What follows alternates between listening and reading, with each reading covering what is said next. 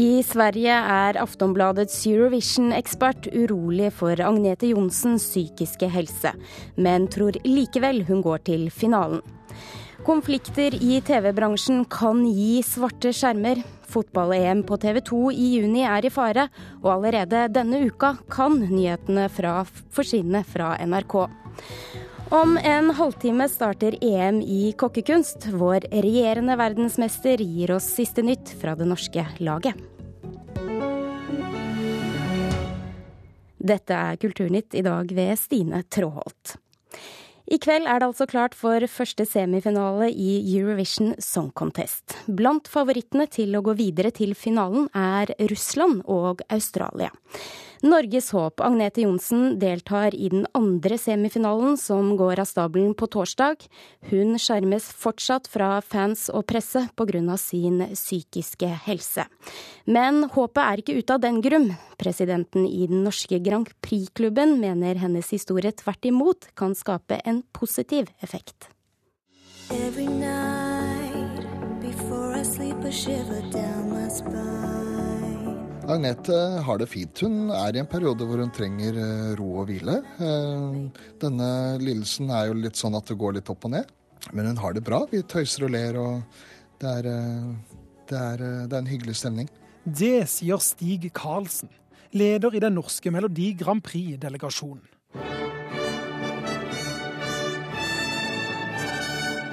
I kveld sendes den første semifinalen i Eurovision Song Contest direkte fra Stockholm. Evening, Og på torsdag er det den andre semifinalen. Det er da det norske håpet Agnete Johnsen etter planen skal på scenen med sin låt 'Icebreaker'. En låt som er skrevet til en av hennes nærmeste venninner som sliter med depresjon.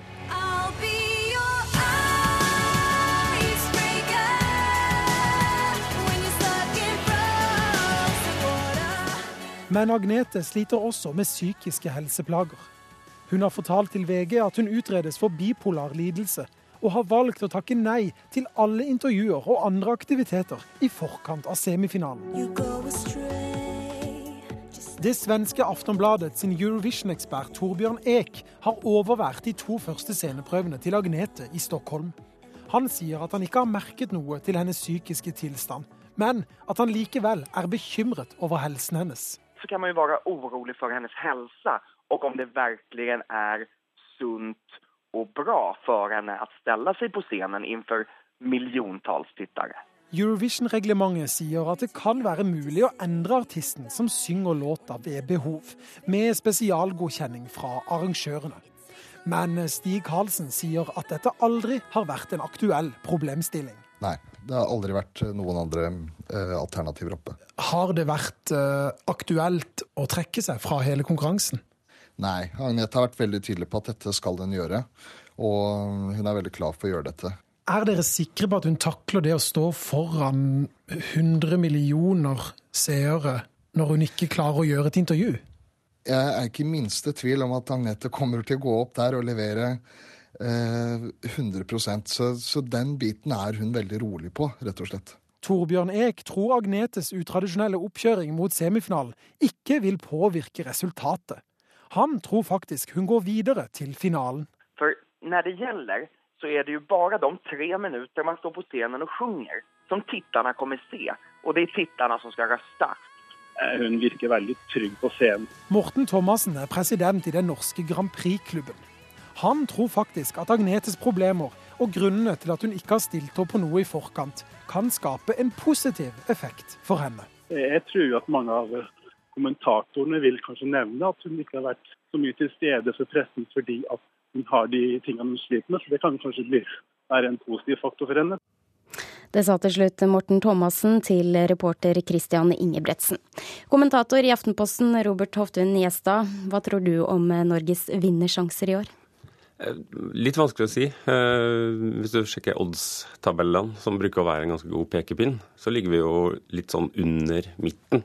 Det betyr jo at vi er ganske langt unna eh, en vinnersjanse. Men jeg mener jo at det er en låt som både fans og, og det er jo også juryet som, som, stemmer her.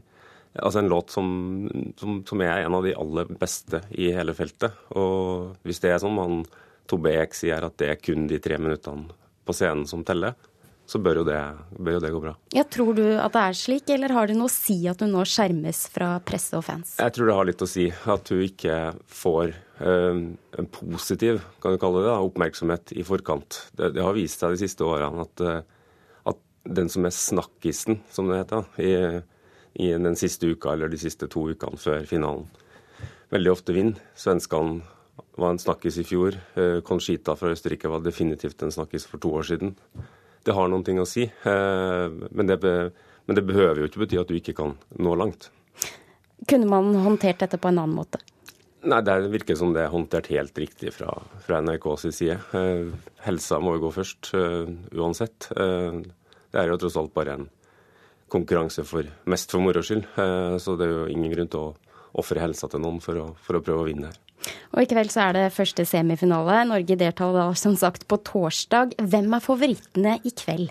Ja, det er ene og alene Russland. Eh, de har vært, eh, vært eh, ligget øverst på listene i forkant i tre-fire uker, i hvert fall så lenge jeg har sjekka på det her. Har en moderne, god poplåt, og som folk vil se i dag, et ganske fantastisk bra sceneshow. Så det her kommer ut av TV-ruta, og det, det er det som funker. Skal vi høre lite grann?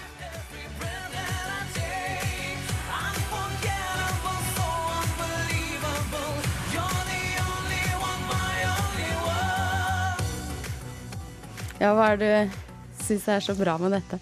Nei, det, det, er jo Altså, det, det refrenget der det fester seg jo ganske umiddelbart, og det er jo ofte det det handler om i, i Eurovision-sammenheng. Eh, det er 42 låter, jeg telte opp det er 126 minutter med musikk til sammen, eh, som, som slåss mot hverandre og som slåss mot oppmerksomheten.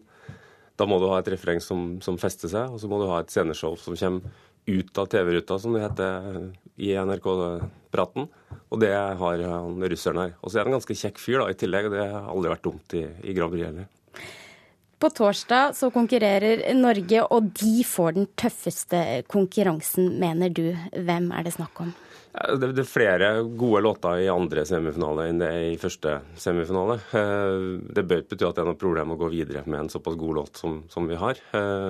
Men, men, det er flere gode der. Serbia bl.a., men spesielt kanskje Australia, som jo også er, har vel ligget i toppen, og som har litt av det samme som det jeg snakka om med, med, Russland. Et refreng som du, bare, som du ikke blir kvitt når du har hørt det. La oss høre litt av Australia også.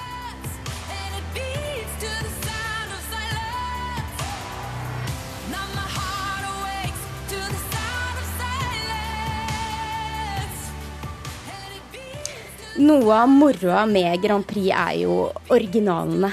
Hvem er de i år?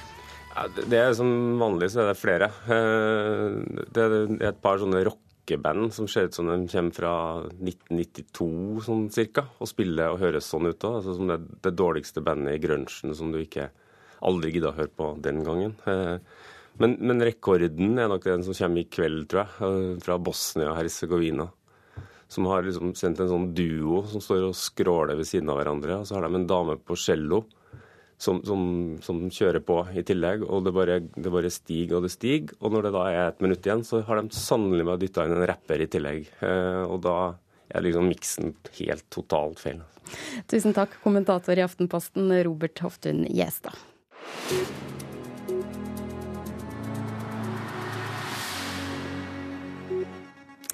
Forfatter Karl Ove Knausgård får hard medfart i Dagsavisen i dag. Historiker og politiker Sten R. Helland mener Knausgård bagatelliserer nazismen, avdemoniserer Hitler og ignorerer fakta om holocaust. Erin Venås Sivertsen, har Knausgård kommet med en ny bok? Nei da. Eh, det er verket Min kamp, som ble avsluttet for seks år siden, som fortsatt vekker harme. Helland mener det Knausgård skriver om nazismen ikke kan stå uimotsagt. Derfor har han skrevet to artikler i tidsskriftet Vinduet, som Dagsavisen har laget en artikkel om i dag. Kritikken gjelder 400 sider i midten av Min kamp bind 6, hvor Knausgård leverer hyppige positive omtaler av nazismen, mener Helland. Han mener Knausgård ikke har kunnskap om forskning om tilintetgjørelsen av jøder. Han kritiserer kildebruk og konklusjonene hans, og mener Knausgård er slurvete og inkonsekvent. Og hvordan møter Knausgård denne kritikken? Han møter den i Dagsavisen i dag, og han mener Helland ikke forstår hva skjønnlitteratur er for noe. Han forstår ikke at dette er en roman.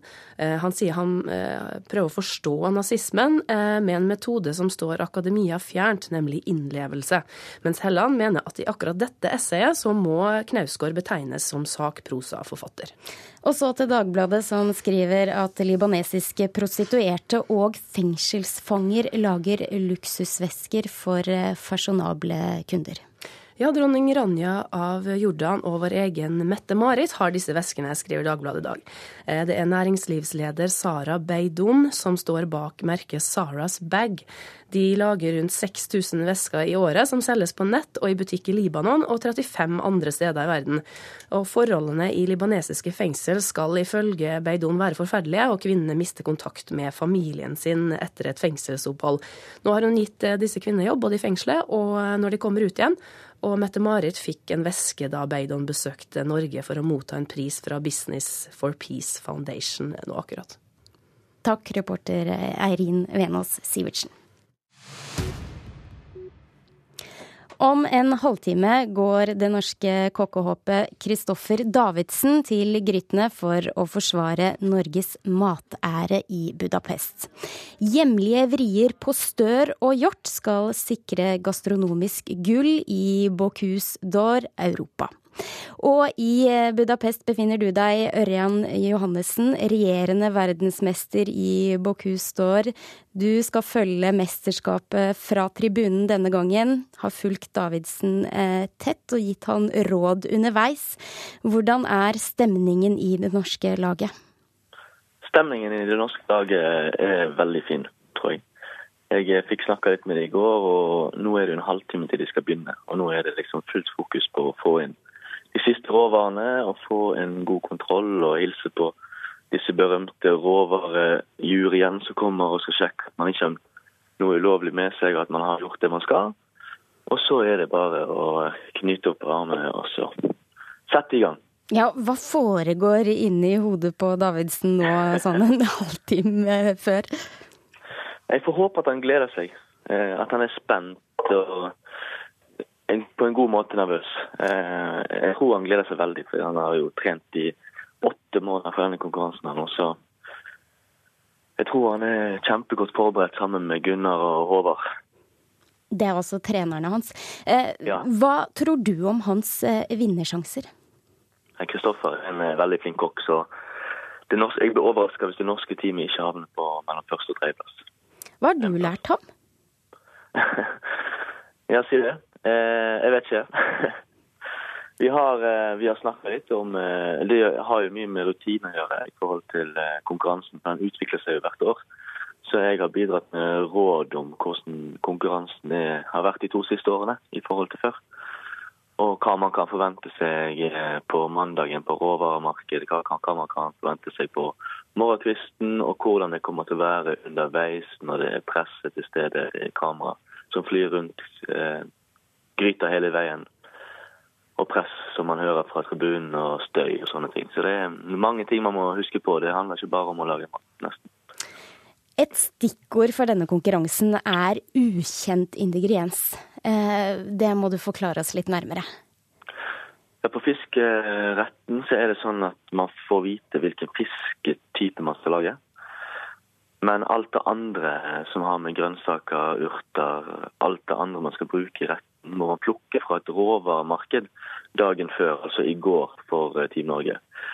Og da uh, må man liksom legge opp et løp der man kan, uansett hva man skal plukke, så klarer man å gjennomføre konkurransen bra. Og så er det en mystery ingrediens som må være med i retten. Og i går så ble det estragon. Og det er ikke en feil urt å få på en sånn rett. Så, og det er det også uh, som de konkurrerer med i dag? Ja. ja. Så hadde jeg, jeg, jeg hadde blitt veldig glad hadde jeg fått estragon. Hvorfor det? Nei, For det er en god urt, og det passer til alt. Og så er det Støre og Hjort som er hovedspiller, hoved... Ja, hva skal man si? Hovedingrediens? Ja, det ja. var nok riktig. Hvorfor er det gode råvarer for norske kokker? Støren er vel kanskje den som er mest ukjent, da. Det er jo en fisk som man ikke bruker på på norske menyer. I tillegg til det så skal de jo bruke denne berømte kaviaren som kommer fra denne støven. Den har vel kanskje vært en liten utfordring i forhold til at det smaker litt for mye mudd. Altså mudder og eh, brakkvann nesten. Så der må man liksom passe på hvordan man bruker den smaken inn i, i fiskeretten. At man ikke har for mye at man ødelegger eh, smaksbildet for det norske laget. Ørjan Johannessen, takk for at du var med i Kulturnytt. Du får eh, heie fra tribunen. du må skrike. Det er altså nå snart eh, EM i eh, kokkekunst som går av stabelen i Budapest. Her i Kulturnytt så er klokken nå snart ti på halv ni, og dette er nyhetsoverskriftene denne morgenen. Flyktninger kan lage lunsj for elever på norske skoler, sier innvandringsministeren. Bra, sier SV, men etterlyser mer penger.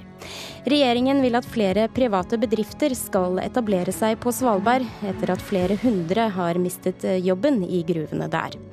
Hotell- og restaurantstreiken har fått flere i bransjen til å organisere seg. Hver dag kommer det nye medlemmer til Fellesforbundet.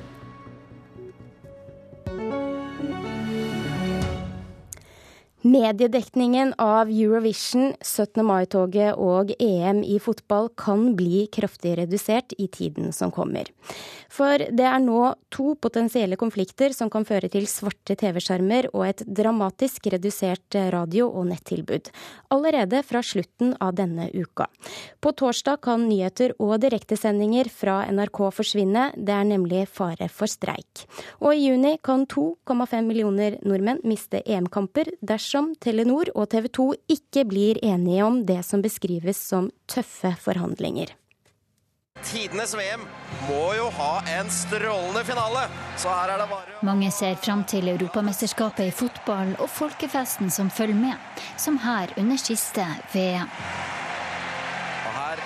Sommerens EM-fest i stua er nå trua av to konflikter.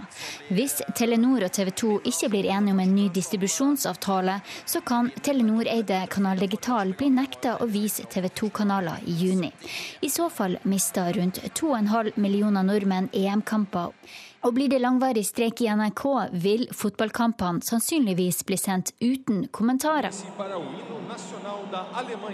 Det er ifølge Kampanje nå tøffe forhandlinger mellom TV 2 og Telenor om en ny distribusjonsavtale. TV 2 vil ikke kommentere utover at de forhandler med mål om å bli enig før dagens avtale utløp 1.6. Kanal Digitals kommunikasjonsdirektør Kenneth Kjøndal Pettersen er også ordknapp. Jeg kan bekrefte at det er samtale mellom partene, eh, og at begge parter ønsker å komme frem til en avtale eh, så raskt som mulig. Og hva med fotball-EM? Vi har som mål å komme fram til en avtale før den tid. Utover det så har jeg ingen kommentarer. Og natt til torsdag denne uka så går meglingsfristen mellom NRK-ansatte og ledelsen ut. Blir de ikke enige, så kan mer enn 2000 NRK-ansatte gå ut i streik. Det vil få store konsekvenser for publikum, både på TV, radio og nett.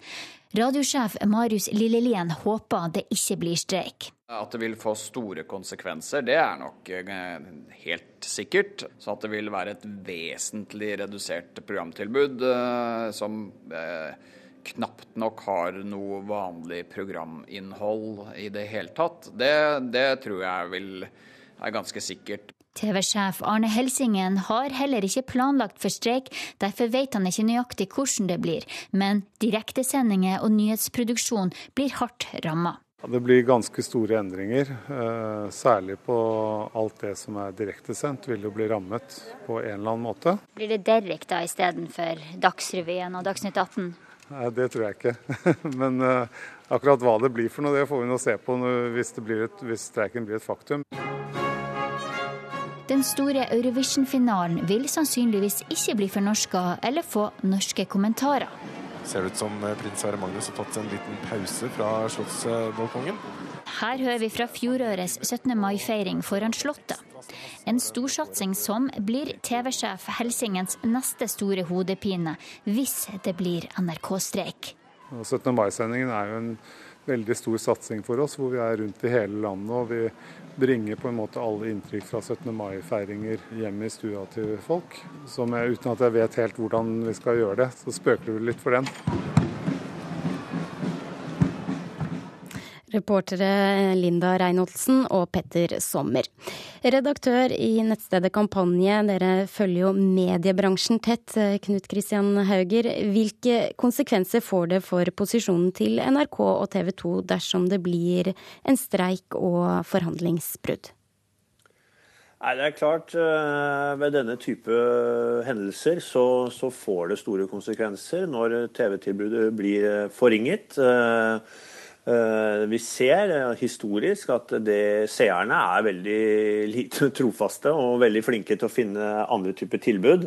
Eh, det henger jo litt sammen med utviklingen i mediemarkedet generelt, der vi er blitt litt mindre kanallojale og er mer opptatt av de ulike programmene. Så mens slike konflikter, streiker, pågår, så er det selvfølgelig seerne veldig flinke og raske til å finne andre typer tilbud. Men vi ser også at seerne faller veldig raskt tilbake til gamle seervaner når konfliktene er over. Vi hørte her at spøker for flere direktesendte NRK-programmer. Eh, men hvor sannsynlig er det at norske TV-seere vil miste deler av fotball-EM? Det er klart at eh, det nå er eh, både en eh, fare for streik i NRK, og samtidig med at TV 2 sitter og forhandler med Telenor om, om, penger og betingelser for distribusjon i kabel- og satellittnettet. Det er jo litt tilfeldig. Og, og, og, vi skal være veldig uheldige om, om disse to sakene inntreffer samtidig. Men, eh, men eh, for TV 2s del og, og, i forhold til EM, så, så, er det en stor eh, og reell fare for at man kan komme i en situasjon som den vi opplevde her for ikke så lenge siden med Discovery. Der, der Discovery, altså TV Norge-eieren, tok av alle sine kanaler fra disse plattformene og, og, og gikk i svart. Og noen av de sakene som førte til brudd mellom arbeidsgiver og journalisten NRK, var bl.a. interne lønnsforskjeller og bruken av midlertidig ansatte. Hva går konflikten på når det gjelder TV 2 og Kanal Digital? Konflikten mellom eh, TV 2 og, og, Telenor, eller Kanal Digital, eh, er veldig lik den vi hadde eh, her tidligere i år med Discovery. Altså Man krangler om penger og betingelser, og, og satt litt på spissen så ønsker TV-kanalene seg bedre betalt fra distributørene for å vise sine kanaler på, på kabel-TV og, og eh, parabol. Og, og, dette er store summer det er snakk om i disse forhandlingene. Flere hundre millioner kroner. Eh, det er en kamp om betingelser knytta til kanalenes plasseringer i grunnpakker, listeplasseringer i TV-guider, og, og, etter hvert også eh, hvordan løse utfordringene knytta til eh, at TV-kanalene nå i stadig større grad satser selv på nettet med, med salg av sitt TV-tilbud direkte til kunde, sånn som TV2 Sumo f.eks. Det er jo en utfordring for, for TV-distributørene. Er det å vente at det blir, blir flere slike konflikter fremover? Ja, det er det. Eh, TV-kanalene er eh, desperate etter å øke sine inntekter eh, totalt sett. Og, og, og bygge opp flere inntektsstrømmer enn det tradisjonelle reklamesalget. Eh, og her har distribusjonsinntekter og betal-TV-inntekter blitt stadig viktigere eh, med tida. Eh, for ikke mange år siden henta jo TV 2 nesten alle sine inntekter fra, fra, tradisjonelt reklamesalg. I dag er jo 50% av inntektene til TV 2 fra andre typer inntekter, som betalt-TV og distributørene. Tusen takk, Knut Kristian Hauger. Maleren Kai Fjell skal vi snakke litt om nå, for han var en hovedfigur i 1930-årenes eh, surrealistisk ekspressive norske eh, maleri, og ble i sin tid eh, utropt til Edvard Munchs etterfølger. På Blåfarveverket i Buskerud så vises nå utstillingen 'Møter med Kai Fjell', og her omtales han som en kunstner som ikke var opptatt av å følge tidens trender, men å være forut for sin tid. Og når fjell sees inn mot samtidskunsten, har de da sine ord i behold, kunstkritiker Mona Palle Bjerke? Jeg opplever ikke at han er forut for sin tid. Han er en ruvende skikkelse i norsk uh, kunsthistorie. Men han er tvert imot uh, altså ikke forut for sin tid, men en levende del av samtiden. Et ektefødt barn av mellomkrigstiden. Og han koblet seg jo også til en av de mest vitale strømningene fra kontinentet, nemlig surrealismen, med denne søken etter de mørke understrømmene i menneskesinnet, som er så typisk for disse gåtefulle fortellingene uh, til Kai Fjell. Men finner du likevel eh, utstillingen eh, interessant? 'Møter med Kai Fjell' er tittelen. Altså, det er absolutt noen berøringspunkter her hos disse kunstnerne som vises sammen med Kai Fjell. Eh, både Svein Bollings veldig symbolladede bilder, og også Vibeke Slyngstads evne til å fremstille nesten trykkende stillhet i sine malerier. Eh, så det er, ikke, det er ikke mangel på berøringspunkter. Men jeg tenker at man kunne jo snudd på det og heller kalt dette kanskje Kai Fjell-arven. Eh, for det er vel mer det som er tilfellet, enn at det er ikke det at han var forut for sin tid, men at dette er kunstnere som trekker veksler på Kai Fjell, og som dessuten kanskje de fleste av dem er litt tilbakeskuende.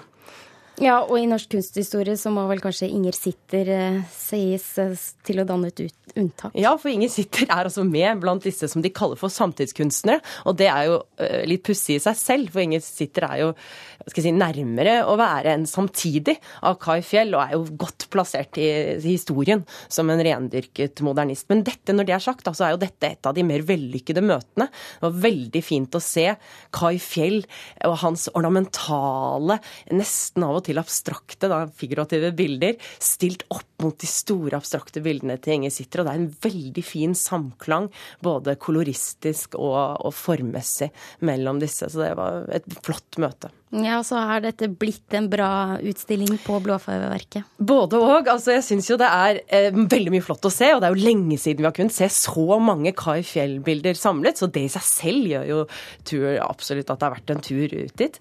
Men eh, sånn kuratorielt så vakler jo dette ganske alvorlig da, med denne påstanden om at han på en måte er forut for sin tid, og at det er derfor den, disse samtalene oppstår. Takk, Mona Palle Bjerke. Gjermund Jappé har vært produsent for eh, denne sendingen. Nå får du Dagsnytt her i NRK P2 Alltid nyheter.